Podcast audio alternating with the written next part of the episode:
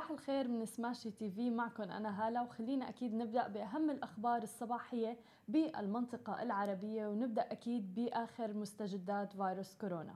أعلن المتحدث الرسمي باسم وزارة, وزارة الصحة السعودية يوم أمس الثلاثاء عن تسجيل 205 إصابات جديدة بفيروس كورونا ليرتفع إجمالي عدد المصابين إلى 676 وأكد المتحدث بمؤتمر صحفي. أنه عن تسجيل أول حالة وفاة بفيروس كورونا لمقيم أفغاني وتم التأكيد بالمؤتمر الصحفي عن وجود أيضا التزام كتير كبير باليوم الأول من قرار منع التجول الجزئي اللي تم الإعلان عنه في المملكة العربية السعودية موضحا إنه الغرامة بالمرة الأولى رح تكون 10000 ريال ثم رح تتضاعف في المرة الثانية في حالة تكرار ورح يصدر الحكم بالسجن لفترة لا تتجاوز 21 يوم. وحذرت النيابة العامة في المملكة العربية السعودية من نشر صور أو مقاطع فيديو لمخالفات حظر التجول.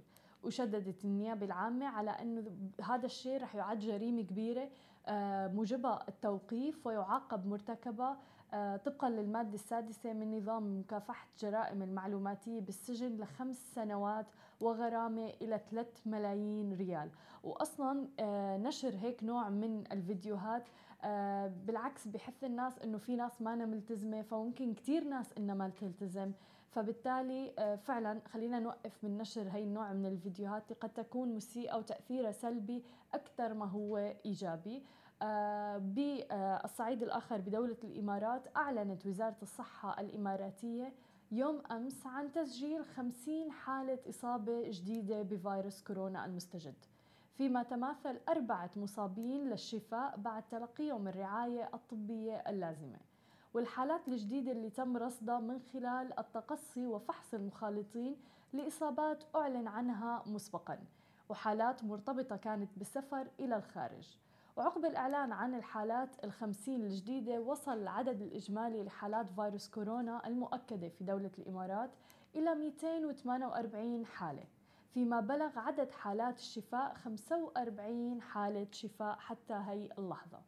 وبسبب العمل والتعليم عن بعد في ظل هي الظروف أعلنت الهيئة العامة لتنظيم قطاع الاتصالات في الدولة بالتنسيق مع مشغلي الاتصالات إتاحة خمسة تطبيقات للتواصل مجانا وبشكل استثنائي حتى إشعار آخر.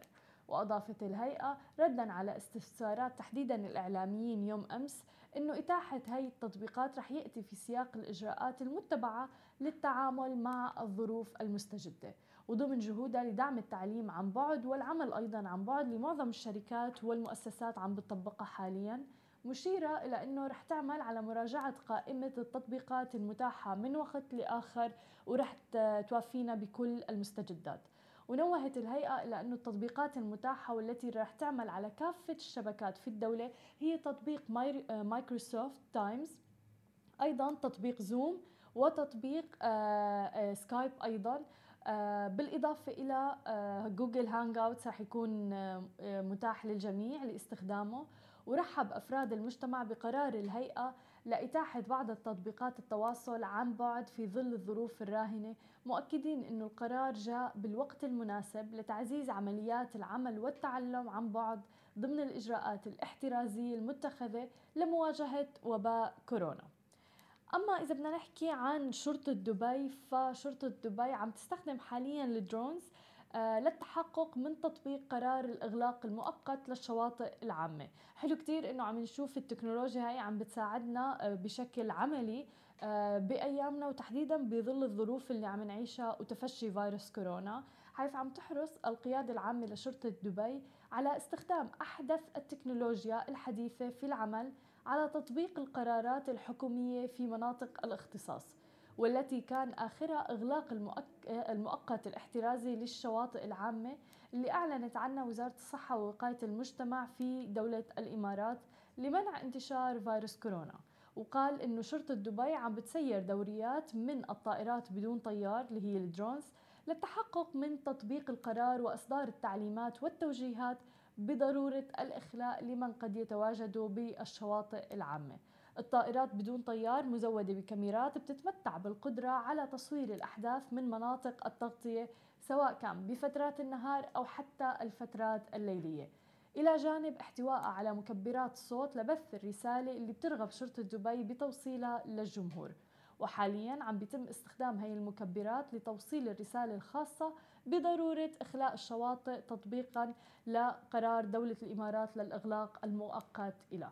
حلو كتير فعلا إنه من دون أي تدخل بشري آه، هيك نوع من التكنولوجيا عم بتساعدنا آه، ببث الرسائل اللي بدها إياها الحكومة لتحث المواطنين على الالتزام بالمنازل وعدم التجول اللي ما له أي ضرورة.